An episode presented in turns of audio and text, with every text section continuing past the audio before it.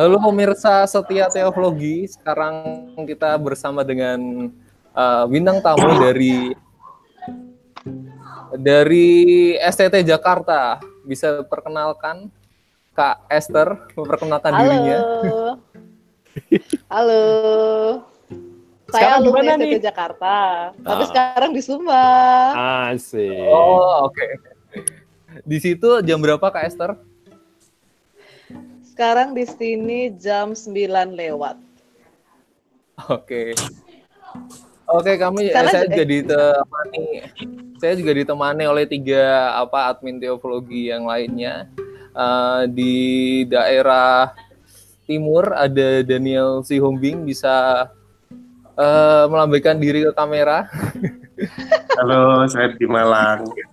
Oh, di Malang sekarang. dari Jakarta, Iya. Malang, Tangerang, Tangerang. Sedikit Oh, lagi iya. Belanda. Geri, Re. Bentar lagi Belanda lagi tuh. Tiba-tiba Belanda ada lagi. Di kota paling apa ya dekat sama peradaban, New York, Manhattan. Wih, halo Ya, teman-teman. bisa ya bisa menyapa kita dan di Halo. sebelahnya dia sedang eh, apa ya melewati badai salju Cak Ferdian Ya, halo, salam dari Elkart. Sebentar lagi Polar Sedang- Vortex. Jadi pola vortex itu eh, cuacanya kutub pindah ke sono tuh. Pindah ke Amerika, suhunya bisa minus 60. Heeh. minus 60 Gila Minus itu. 60. Ngeri. 10. Oke kali ini kita akan membahas apa yang jadi bahasan kita yaitu tubuh dan komoditasnya perdagangan eh, apa perdagangan tubuh perempuan dan eh, mungkin kalau nanti saya apa ya sedikit lemot atau terbata-bata Mhm. Uh, admin bisa langsung nyambung seperti biasa. Dan kita mulai saja, Kak Esther. Uh, Pertanyaan-pertanyaan santai dan ringan.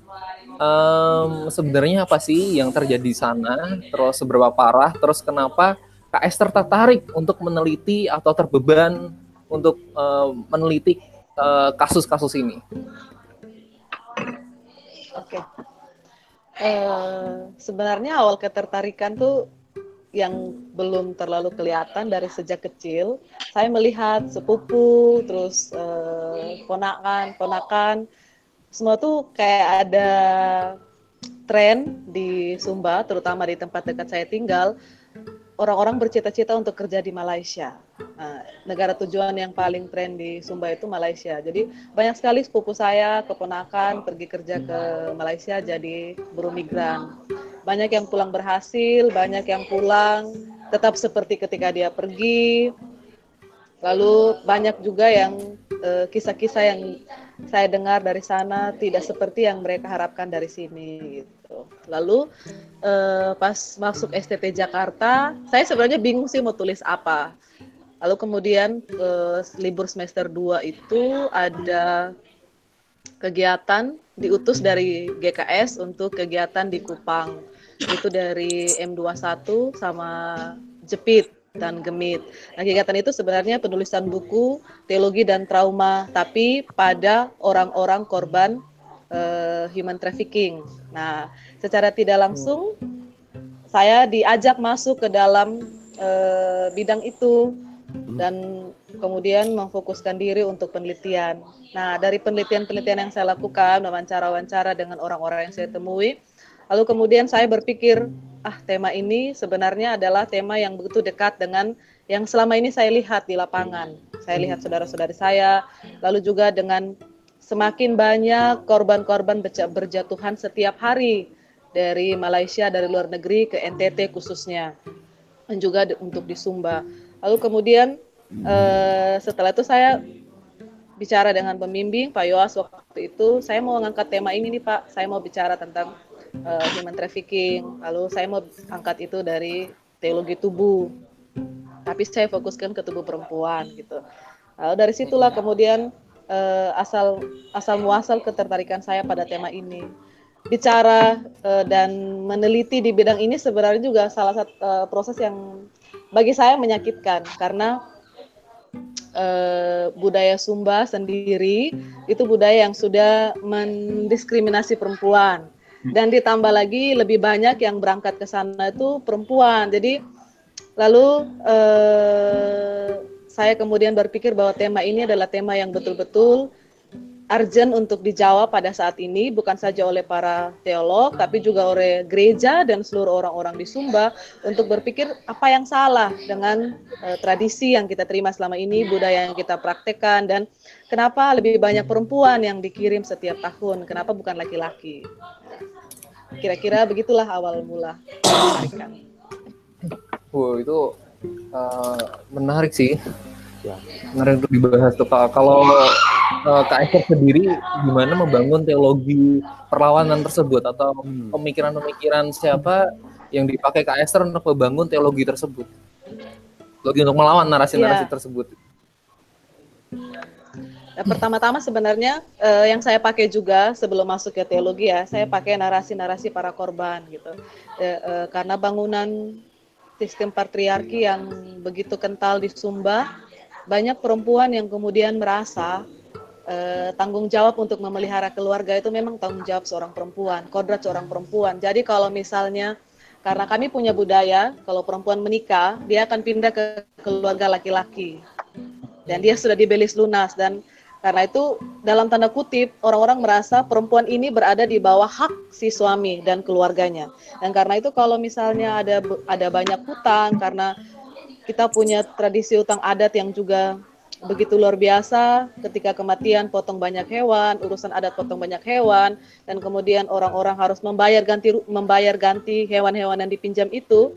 Lalu ketika tidak ada jalan keluar, satu-satunya yang dipilih adalah menyuruh istri atau anak perempuan untuk pergi bekerja ke luar negeri jadi TKW. TKW. Nah, lalu eh, dalam tanda kutip perempuan ini merasa itu kewajibannya sebagai seorang yang berbakti terhadap suami, terhadap keluarga suami, karena dia sudah pindah ke situ. Nah, dia harus pergi untuk uh, bekerja keluar dan menanggung semua risiko yang ada tanpa tahu prosedur-prosedur yang benar bagaimana harus menjadi seorang tenaga kerja Indonesia atau buruh migran ke luar negeri. Yang penting dia pergi dan dapat uang diselundupkan pun dia mau. KTP palsu ya dia mau asal dia bisa mendapatkan uang gitu. Hmm. Lalu bangunan-bangunan ini dan narasi-narasi yang mereka ceritakan itu sebenarnya juga menjadi salah satu sumber bagi saya untuk melakukan perlawanan bahwa ada yang salah dengan uh, realitas yang sedang kita alami. Lalu di sisi lain, saya menggunakan teologi tubuh. Nah, uh, teologi tubuh sakramental. Teolog yang paling besar, yang paling besar andilnya dalam penelitian saya ini sebenarnya ada Susan Ross. Dia seorang feminis, seorang teolog Katolik, perempuan Katolik dan sebenarnya dia tidak secara langsung bicara tentang human trafficking. Saya lalu mengambil bagian-bagian dari pemikiran beliau yang saya rasa itu juga uh, sejalan dengan apa yang saya perjuangkan tentang diskriminasi terhadap perempuan-perempuan Sumba melalui human trafficking. Lalu saya pakai pemikiran itu untuk melawan uh, human trafficking di Sumba. Nah, beliau fokus terutama beliau itu adalah teologi sakramental, terutama untuk mengkritik kepemimpinan uh, laki-laki di dalam gereja Katolik. Salah satu yang paling paling gencar dia kritik adalah kenapa imam atau pastor-pastor dan orang-orang yang melayankan sakramen dan ritual-ritual sakramental di dalam gereja Katolik itu hanya dilayankan oleh laki-laki. Kenapa perempuan tidak diikut sertakan? Nah, itu kritik dia yang paling utama sebenarnya lalu dia bangun teori-teori yang lain. Hmm. Hmm. Hmm, hmm, hmm. hmm. Mungkin ada tanggapan dari ketiga admin Cak Ber. Cak Ber, Cak iya, Ber. Saya, Cak Ber. saya, saya ini menarik sekali uh, Mbak Esther apa yang apa yang menjadi apa bahan riset Mbak Esther ini. Saya uh, saya kebetulan juga punya beberapa teman dari Sumba ya. Dan mereka cerita juga tentang tadi Mbak Esther sempat sebutkan belis uh, apa tradisi apa ya semacam apa semacam mahar begitu ya, mahar pernikahan ya. Iya, betul betul betul. Mas kawin. Nah, berarti boleh nggak saya mengklarifikasi apakah berarti alasan uh, banyak perempuan menjadi buruh migran di Sumba karena alasan ekonomis begitu uh, dan karena terikat dengan apa ya dengan belis ya? Ya, ya. Boleh diceritakan lebih jauh nggak mbak uh, soal belis ini mbak? Oke. Okay. Oke, okay. uh, salah satu yang saya temui yang menjadi penyebab utama uh, begitu derasnya arus buruh uh, lajunya buruh migran dari Sumba ke luar negeri, terutama pada perempuan itu pada tempat pertama sebenarnya masalah ekonomi. Karena kesulitan ekonomi. Jadi NTT ini kan masuk tiga uh, negara uh, negara provinsi termiskin ketiga di Indonesia gitu, uh, termasuk di dalamnya Sumba. Jadi banyak sebenarnya masyarakat hidup di bawah garis kemiskinan. Tapi uh, lalu kemudian karena persoalan ekonomi ini dan sulitnya mencari pekerjaan di Sumba. Di Sumba ini sebenarnya pekerjaan cuma kalau kuliah ujung-ujungnya jadi PNS. Nah, kalau tidak tercover semua jadi PNS, orang honor atau kontrak karena tidak ada uh, pilihan kerja lainnya seperti di Jawa selain bisnis.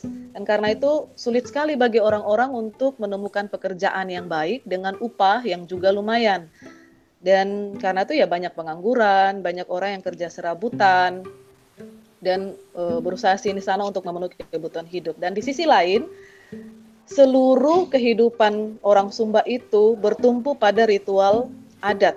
Walaupun dia sudah masuk e, memilih salah satu agama tertentu, di Sumba mayoritas Kristen. Walaupun dia sudah masuk Kristen, tapi seluruh ritual adat, budaya, warisan Marapu itu tidak pernah hilang dari budaya Sumba jadi ada orang-orang Sumba. Jadi ya sekalipun kita bilang kita masuk Kristen, tapi seluruh uh, kayak acara-acara apa pun itu selalu pertama-tama potong babi. Orang selalu bilang kalau tidak potong babi acara itu tidak sah. Entah itu mau syukuran, mau pernikahan, mau kelahiran, kematian dan seluruh proses-proses lain itu potong babi. Nah, kalau di kematian ada saya menyoroti dua peristiwa penting di Sumba yang memakan begitu banyak anggaran sampai ratusan juta. Pertama itu peristiwa kematian dan yang kedua tuh peristiwa perkawinan. Nah, yang kematian ini e, kalau ada seorang meninggal, maka keluarga-keluarga akan diundang untuk datang membawa babi atau kerbau atau sapi. Itu tergantung nanti pada ada diatur tempat-tempat tertentu yang yang akan membawa babi, kerbau atau sapi. Nah, ini dibawa bukan dalam artian gratis, tapi dibawa dengan menerapkan prinsip resiprokal. Hmm. Saya bawa hari ini, Lalu nanti kalau nanti ada apa-apa di keluarga saya, ya harus diganti dengan jumlah dan ukuran yang sesuai. Kalau dia lebih besar, nanti akan jadi masalah atau dia lebih kecil akan jadi masalah. Jadi harus sesuai dengan ukuran itu. Dan karena itu, karena orang e, kalau misalnya meninggal di sini biasanya kalau meninggal orang biasa potong babi sekitar belasan ekor. Belasan ekor, lalu kerbau ya mentok-mentok 3 4 5 Nah, kalau dikalikan satu ekor kerbau itu harganya 20-an juta, dikalikanlah beberapa ekor dan babi itu belasan. Jadi satu hari itu untuk pemakaman bisa menghabiskan 100-200 juta. Dan itu harus diganti. Nanti kalau ada keluarga yang bawa itu ada kematian di dia, kita harus ganti. Dan dia tidak mau tahu kita ada uang atau tidak ada uang. Yang penting dia punya hutang sama kita dan sekarang dia lagi butuh, kita harus ganti. Dan karena itu orang lalu jadi ini jadi berutang lagi, berutang ke sana kemari untuk mengganti ini. Dan yang kedua, peristiwa pernikahan, perkawinan. Dan itu belis. Jadi ketika seorang laki-laki mengambil perempuan, dia harus bayar sejumlah belis sesuai dengan kesepakatan keluarga perempuan. Nah, kalau sarjana biasanya itu mereka patok-patok uh, jumlah belis itu dari 40 ekor ke atas. Jadi 40 itu uh, adalah babi, eh sorry, 40 ekor itu adalah kerbau dan kuda. Dan itu juga jumlah yang sangat banyak gitu. Dan harus dibayar supaya proses nikah gerejanya dapat berlangsung. Dan karena itu orang supaya dapat membayar dia pinjam nih. Dia pinjam dari sepupunya dia pinjam dari temannya. Kau satu ekor ya kau satu ekor satu ekor. Lalu dibawalah pada hari lamaran itu. Dan setelah menikah siapa yang mengganti utang-utang ini? Ya suami istri itu. Dan perempuan itu ketika pindah sebenarnya dia pindah dengan seluruh beban hutang yang ada pada dirinya. Dan kalau mereka orang yang menikah ini tidak punya pekerjaan tetap dan ketika mereka harus mengganti lagi biaya uh, yang uh, utang utang hewan yang sudah mereka pinjam itu, nah kadang-kadang salah satu cara untuk menggantinya adalah dengan menyuruh istrinya untuk pergi mencari pekerjaan di Malaysia karena Mbak, selalu oke okay uh, sorry saya tambah satu pertanyaan uh, yang yang berkaitan. Tidak apa-apa ya teman-teman ya. Oke okay. oke. Okay. Uh, karena saya kebetulan orang Toraja mbak, jadi ada ya, ada ya, ya. mirip tuh mirip ada betul betul ya. Toraja sama Sumba mirip tuh. Iya dan banyak kerbau Toraja dari Sumba sebenarnya. Betul, apalagi kerbau nah, yang mata kelereng ya. Ya betul betul. nah mbak uh, saya tidak tahu apakah narasi-narasi seperti ini berasal dari agama-agama lokal ya karena kalau yang di Toraja yang saya tahu, saya pernah berbincang dengan seorang uh, pendeta, Pak Pendeta, dia mengatakan hal yang menarik. Jadi tradisi resiprokal yang tadi Mbak bilang itu, itu justru terjadi hmm. setelah masyarakat menjadi Kristen. Uh, sebelum menjadi Kristen, sebelum menjadi Kristen, waktu masih aluk todolo ya, istilahnya masih agama lokal, justru motivasinya benar-benar untuk ritual.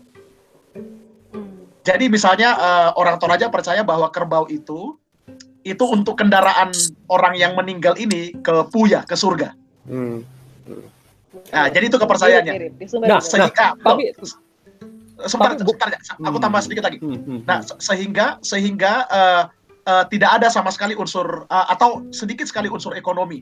Nah, begitu orang menjadi Kristen dan kemudian menghilangkan tahyul-tahyul itu, nah yang terjadi malah sebaliknya. Jadi ada muncul motif-motif ekonomi dan saling membanding-bandingkan dengan tetangga. Oh, di sana itu potong sekian kerbau kita kok cuma sekian kerbau. Nah, saya nggak tahu Mbak, apakah ada ada kemiripan atau Bung Nindyo mau tambahkan?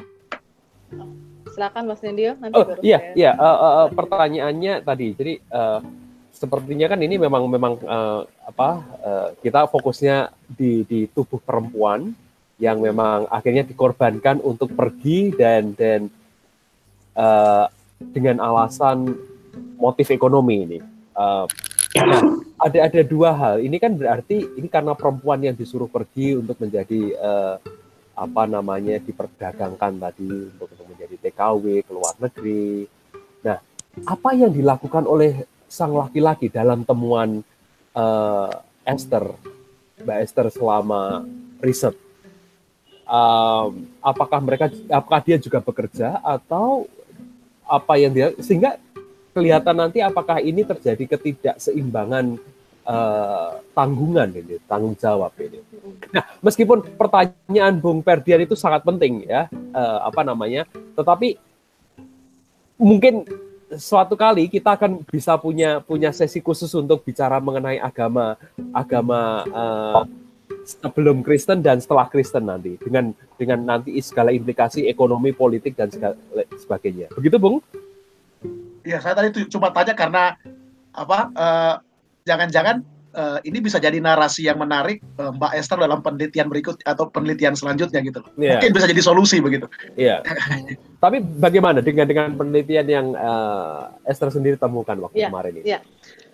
Ya, uh, sebenarnya memang kalau dalam narasi di di Sumba ini kan masih banyak yang memeluk agama Marapu, agama lokal. Hmm. Dan dalam hmm. narasi-narasi agama Marapu sebenarnya uh, prinsip resiprokal itu sudah mengakar kuat dalam oh. tradisi mereka gitu. Jadi eh, bahkan ketika di, cerita yang diturunkan temurun temurun itu adalah kita masih satu di ini misalnya dan itu harus diganti. Jadi eh, kalau saya boleh bilang mungkin sebenarnya masuknya ke Kristenan walaupun memang tidak menghapus tetapi justru membuat menekan praktek-praktek e, pengorbanan hewan yang begitu besar dalam jumlah besar karena di Sumba dulu itu uh, sistemnya sistem raja-raja, sistem uh, rato-rato raja-raja dan mereka punya begitu banyak hewan. Dan kenapa Belis ini sebenarnya kalau sekarang tidak kontekstual lagi karena sekarang ya tidak semua orang punya hewan dan tidak semua orang jadi uh, beternak hewan gitu.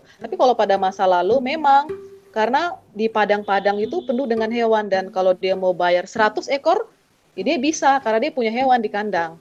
Tapi kalau sekarang ketika dia bilang 40 ekor, dia tidak punya hewan di kandang dan dia harus cari. Dan sebenarnya itu sudah tidak kontekstual lagi praktek ini, namun tetap dipertahankan. Nah, menyambung pertanyaan Mas Ndio tadi tentang apa yang dilakukan oleh laki-laki.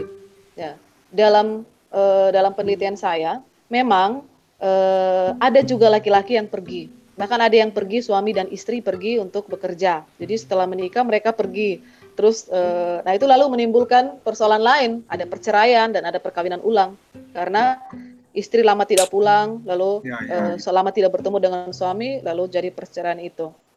Nah, tetapi yang yang apa yang dilakukan oleh laki-laki karena uh, di Sumba itu adalah tradisi patriarki, maka orang yang harus menjaga kampung dan memelihara tradisi dan harus mem, me, istilahnya mengatur segala perputaran dan segala eh, kehidupan di dalam kampung itu harus laki-laki. Dan karena itu lebih mudah untuk mengirim perempuan karena dia yang akan menjaga kampung, menjaga kampung dan untuk mengontrol bagaimana seluruh tradisi dan kebiasaan di dalam kampung itu dapat dijalankan dan e, karena kan kalau misalnya dia mau bawa hewan ke satu tempat yang disebut itu kan laki-lakinya. Jadi harus dia yang ada di situ. Sekalipun hmm. uang untuk membeli hewan itu dikirimkan oleh istrinya dari luar. Menarik. Hmm. Nah, kembali ke ke uh, apa namanya teologi tubuh tadi. Dari hasil uh, penelitian uh, Mbak Esther berdasarkan uh, pemikiran Sandra Ross ya tadi ya. Susan nah, Ross. Susan Ross. Sandros, iya uh, um, apa namanya mengalihkan Sandros yang sakramental tadi Katolik. Katolik ke konteks Sumba Protestan dan oh, fakta di lapangan ini uh, tubuh perempuan yang diperdagangkan bagaimana itu? Ya, sebenarnya betul. Saya melakukan loncatan yang besar dari Susan Ross yang Katolik, feminis Katolik. Lalu dia bicara tentang konteks Barat, Lalu saya pakai pemikirannya untuk konteks Sumba hmm. yang ada uh, dalam kaitan dalam hal ini uh, penelitian berbasis agama Protestan karena saya Protestan gitu. Hmm. Nah, sebenarnya yang yang saya pakai dari pemikiran Susan Ross pertama-tama kritiknya terhadap uh, kepemimpinan di dalam gereja Katolik yang hanya didominasi oleh laki-laki. Lalu dia menentang pemikiran uh, waktu itu kan berkembang sebelumnya berkembang teologi tubuh oleh Paus yang menyatakan bahwa uh, karena pem, uh, karena murid Yesus 12 orang itu adalah laki-laki dan karena itu kepemimpinan dan jabatan imamat itu hanya akan berlaku terhadap laki-laki saja dan karena itu yeah. tidak ada tempat bagi para perempuan. Lalu kemudian eh, kritik tentang sakramental. Jadi karena dalam tanda kutip hanya laki-laki yang kudus dan pantas untuk memimpin sakra, uh, sakra, sakramen-sakramen dalam gereja Katolik dan kalau perempuan diekskludkan dari ritual-ritual yang sakral itu. Lalu pemikiran Rose yang yang yang saya pakai adalah waktu itu Rose bilang bahwa sebenarnya ketika dalam penciptaan, dalam inkarnasi juga dalam penciptaan sakralitas Allah itu tercurah ke dalam seluruh ciptaan, baik laki-laki maupun perempuan. Dan karena itu inkarnasi Yesus juga walaupun mengambil rupa laki-laki, dia tidak sedang berinkarnasi menjadi laki-laki, tapi berinkarnasi menjadi perempuan. Dalam hmm. hal ini eh, eh wah sorry, dalam hal ini laki-laki dan perempuan.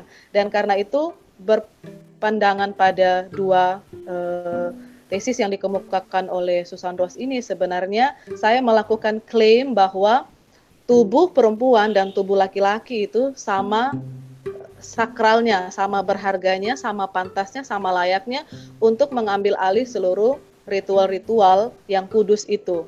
Karena kalau misalnya ini saya lakukan lompatan lagi, kalau saya sejajarkan dengan alam pemikiran agama lokalnya Sumba yang merapu, yang memimpin ritual-ritual agama itu hanya laki-laki, sedangkan yang mempersiapkan bahan-bahan hewan-hewan yang dipakai itu adalah perempuan. Tetapi ketika masuk untuk memimpin ritual, perempuan dikeluarkan karena perempuan tidak layak dan tidak pantas, hanya laki-laki.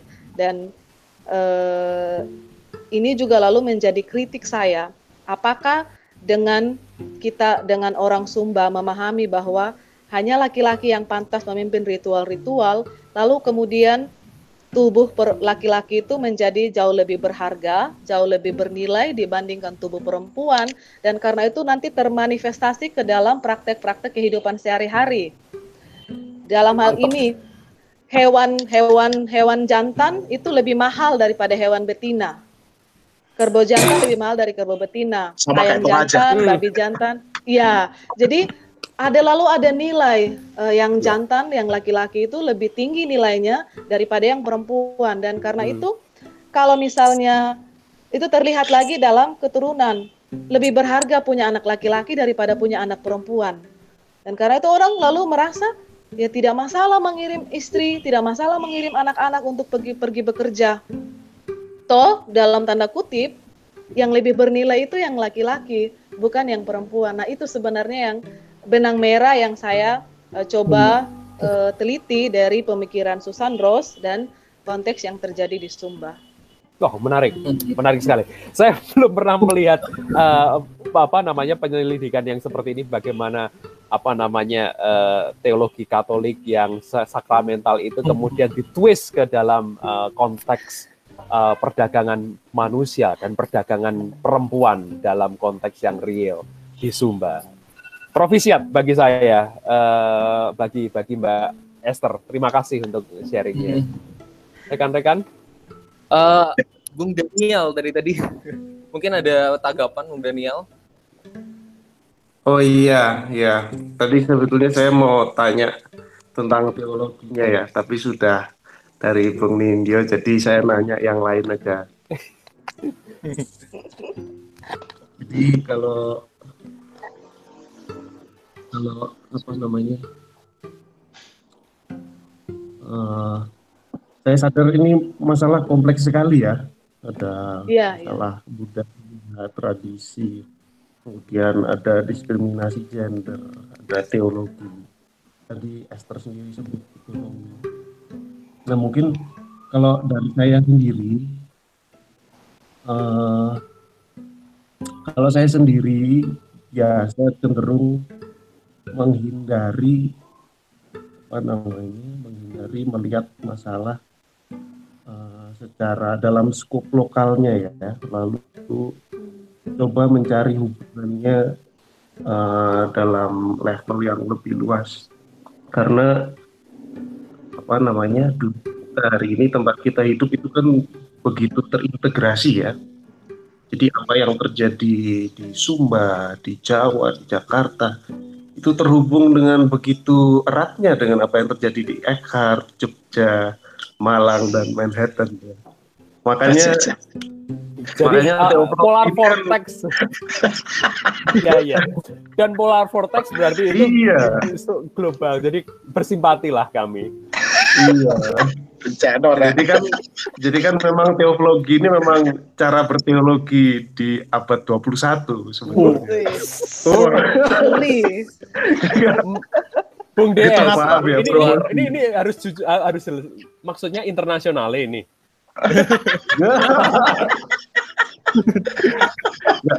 Gak, mak, maksud, mak, maksud, maksud saya maksud saya begini apa namanya uh, apa yang terjadi di Sumba saya yakin itu juga tidak terpisahkan dari apa yang terjadi di lokasi-lokasi lain di dunia begitu.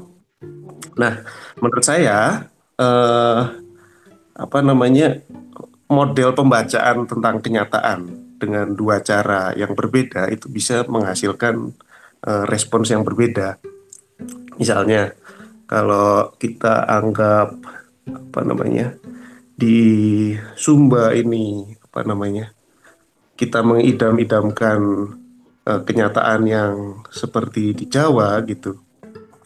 Tapi mungkin kalau kita lihat hubungannya uh, hubungannya ya, bagaimana itu terintegrasi semua ya.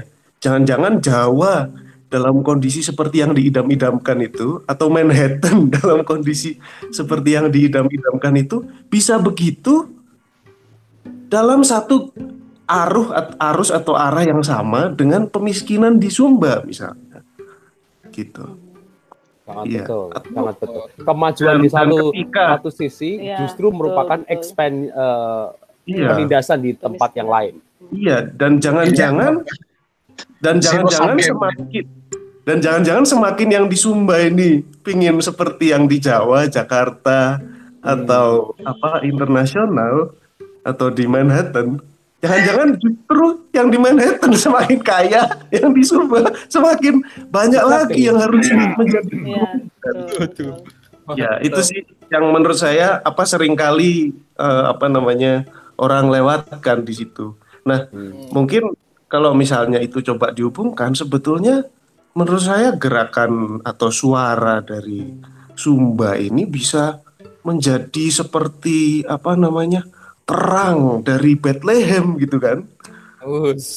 Iya, yang akhirnya itu justru menggoyang kekaisaran Romawi gitu. Yang di Manhattan kan, kan bisa nanti. iya, jadi betul. iya, jadi betul. apa namanya? Maksud saya apa namanya? uh, penelitian ini prospektif sekali menurut saya, apalagi kalau dihubungkan dengan apa kaitan internasional global dari apa namanya dari problem ini sehingga nanti suara atau teologi Esther itu apa namanya ekonya itu wah anu global. Saya akan saya akan langsung konkret uh, apa yang dikatakan oleh Bung dan saya sangat setuju. Uh, um, di Manhattan itu ada orang yang saya kenal dan seorang perempuan juga yang uh, adalah mantan korban dari uh, human trafficking juga, tapi dia berhasil uh, membangun uh, komunitas uh, di sini di antara orang-orang yang juga merupakan korban dan survivor survival dari dari dari human trafficking. Dan kapan-kapan kita akan undang walaupun beliau bukan teolog tetapi dia punya punya uh, uh, uh, pengalaman, pengalaman. yang sangat sangat sangat live begitu. Itu dirinya sendiri. Jadi saya akan coba kontak beliau untuk bisa bisa ngobrol jadi betul sekali bahwa yang yang namanya uh, ini kan jaringan internasional sekali ini bicara mengenai perdagangan ini kenyataannya bahwa di Manhattan ada orang yang ber, yang menjadi korban uh, human trafficking itu dan tidak satu saja. Dan nanti kita akan uh, percakapan itu kapan-kapan. Oke. Okay. Paling tidak kita mengerti bahwa uh, dari penelitian ini dari, dari risetnya Kak Esther kita mengerti bahwa perempuan itu tidak lahir merdeka. Ia hmm uh, lahir dalam stigma bahwa ia berkedudukan di bawah laki-laki gitu. Hmm. Uh, ia bukan penyandang hak politik, uh, bukan mengucap ayat ayat kerja maksud uh, maksud saya apa ya nggak boleh jadi rom uh, pendeta atau semacamnya gitu. Ia bukan pemikir rasional, bahkan uh, yang paling terparah ia tuh harus submisif, menerima atau bahkan menyerah pada uh, semua hal yang terjadi sekalipun itu uh, hal terburuk gitu. Uh, dan ini apa ya ada kesimpulan bahwa ia tuh bukan dirinya sendiri. Karena segala ketidakadilan melekat dalam diri perempuan itu tadi dan saya juga melihat tadi uh, bahwa uh, budaya itu kayak mempersiapkan perempuan-perempuan ini jadi uh, korban uh, apa ya jadi korban trafficking tadi gitu uh, kayak udah dilatih dan dipersiapin tuh itu parah banget tuh. Kalau menurut saya tuh ya, dan jadi... tadi nyambung apa yang dipikirin sama gimana Kak Esther? Ya, aku sebenarnya uh, setuju betul tadi. Karena uh, saya merasakan sih sebenarnya sebagai perempuan Sumba yang belajar teologi lalu uh, tapi sebebe, se ya selama dari kecil sampai saya sebelum kuliah lagi S2 uh, bahkan sebelum S1 itu saya menerima kan semua yang saya terima dari budaya lingkungan di mana saya hidup bahwa perempuan itu ya bertindak nih harus seperti ini, seperti itu dan hmm. seterusnya. Dan bahwa laki-laki skopnya di sini dan ketika perempuan tidak boleh protes dan ketika keadaan buruk terjadi ya kok harus terima bahwa itu sesuatu yang merupakan kodrat bukan hmm. menyusui atau hamil dan melahirkan tapi bentukan budaya itu adalah kodrat yang harus diterima oleh perempuan dan lahir kita hmm. besar karena itu. Dan untuk mendongkrak pemahaman semacam itu tuh perjuangan yang saya pikir belum selesai sampai sekarang oleh semua bahkan oleh semua aktivis perempuan teolog-teolog perempuan yang berjuang untuk melawan sistem yang sudah terlanjur mendiskriminasi para perempuan. Bahkan hmm. juga mungkin para laki-laki karena sistem ini kan berimbas pada laki-laki dan perempuan. Ya seperti yang dibilang Bung Des tadi, ini tuh gerakan internasional ya. Enggak, aku enggak bilang gerakan gitu. Oh ya, di di pergasaman biasa songkro. Aku no komen, aku no komen. Ini aku lagi kedinginan, no komen, no komen. aku aku nggak bilang gitu, tapi aku setuju. Oke. Urusan bilang ya berarti. Oke. Baca ini, baca ini, baca ini. From to race. DS aku juga lagi udah siap. DS paperku besok juga tentang tentang itu tentang perjuangan kelas juga kok. Tenang aja. Oh iya. Ya udah udah udah cukup cukup. mungkin mungkin mungkin terakhir mungkin terakhir untuk Kak Esther gimana harapan uh, Kak, Esther, Kak Esther untuk gereja-gereja sekarang satu atau dua kalimat sebelum kita menutup ini? Ya, uh, betul. Kalau uh, saya harapan saya pribadi sih dan harapan semua teman-teman yang bergerak di bidang ini, seluruh aktivis, pertama-tama supaya ada penyadaran bahwa uh, yang utama saya tawarkan adalah perspektif. Bagaimana kita melihat kesejajaran dan sama berharga dan bernilainya tubuh laki-laki dan perempuan di tiap-tiap tempat, terutama di Sumba dalam sistem patriarki ini. Dan yang kedua, karena Sumba ini mayoritas Kristen, sebenarnya salah satu eh, apa eh, tujuan bersama kami adalah supaya gereja terutama sadar akan hal ini dan kita bergerak bersama. Dan itu sudah dilakukan oleh GKS dan GEMI terutama di NTT. Setelah kami beruntun menerima mayat lalu kemudian hmm. di Sumba kita jadi kayak terkaget-kaget, wah ada begitu banyak korban dan lalu mungkin hmm. selama ini kita merasa gereja merasa itu bukan bagian dari tugas gereja untuk berjuang bersama-sama dengan para korban. Lalu ketika mayat berdatangan begitu banyak dan ada data, lalu gereja sekarang mulai bangkit dan mulai sosialisasi dan seterusnya untuk paling tidak kita mengurangi dan mem memberi pemahaman kepada masyarakat tentang apa yang terjadi di sekitar kita dan gereja dalam hal ini mau berjalan bersama-sama dengan para korban dan dalam menghadapi ini salah satu uh, harapan kami sih menjadi momentum dalam rangka sidang raya sidang raya PGI tahun ini kan ada di Sumba dan hmm. kami berharap melalui forum yang besar ini perhatian terhadap hal ini juga diberikan juga cukup besar supaya kita lalu menjadi sama-sama bergandengan tangan melakukan sesuatu dan melakukan perlawanan terhadap realitas yang terjadi di sekitar mm -hmm. kita. Awesome. Oke, okay, terima kasih banyak Kak Esther udah bersedia Sama-sama. diajak bareng kami gitu. Dan terima kasih banyak Thank Kak Perdian, Mas Yoyo, Bung DS. Sampai jumpa di uh, video kami keren, Apresiasi Terima kasih. Terima kasih ya. teman-teman. Dan juga ya. terima kasih selamat BKS Dan kapok ya. mengadakan uh, sidang raya PGI. Thank you Esther. Bye.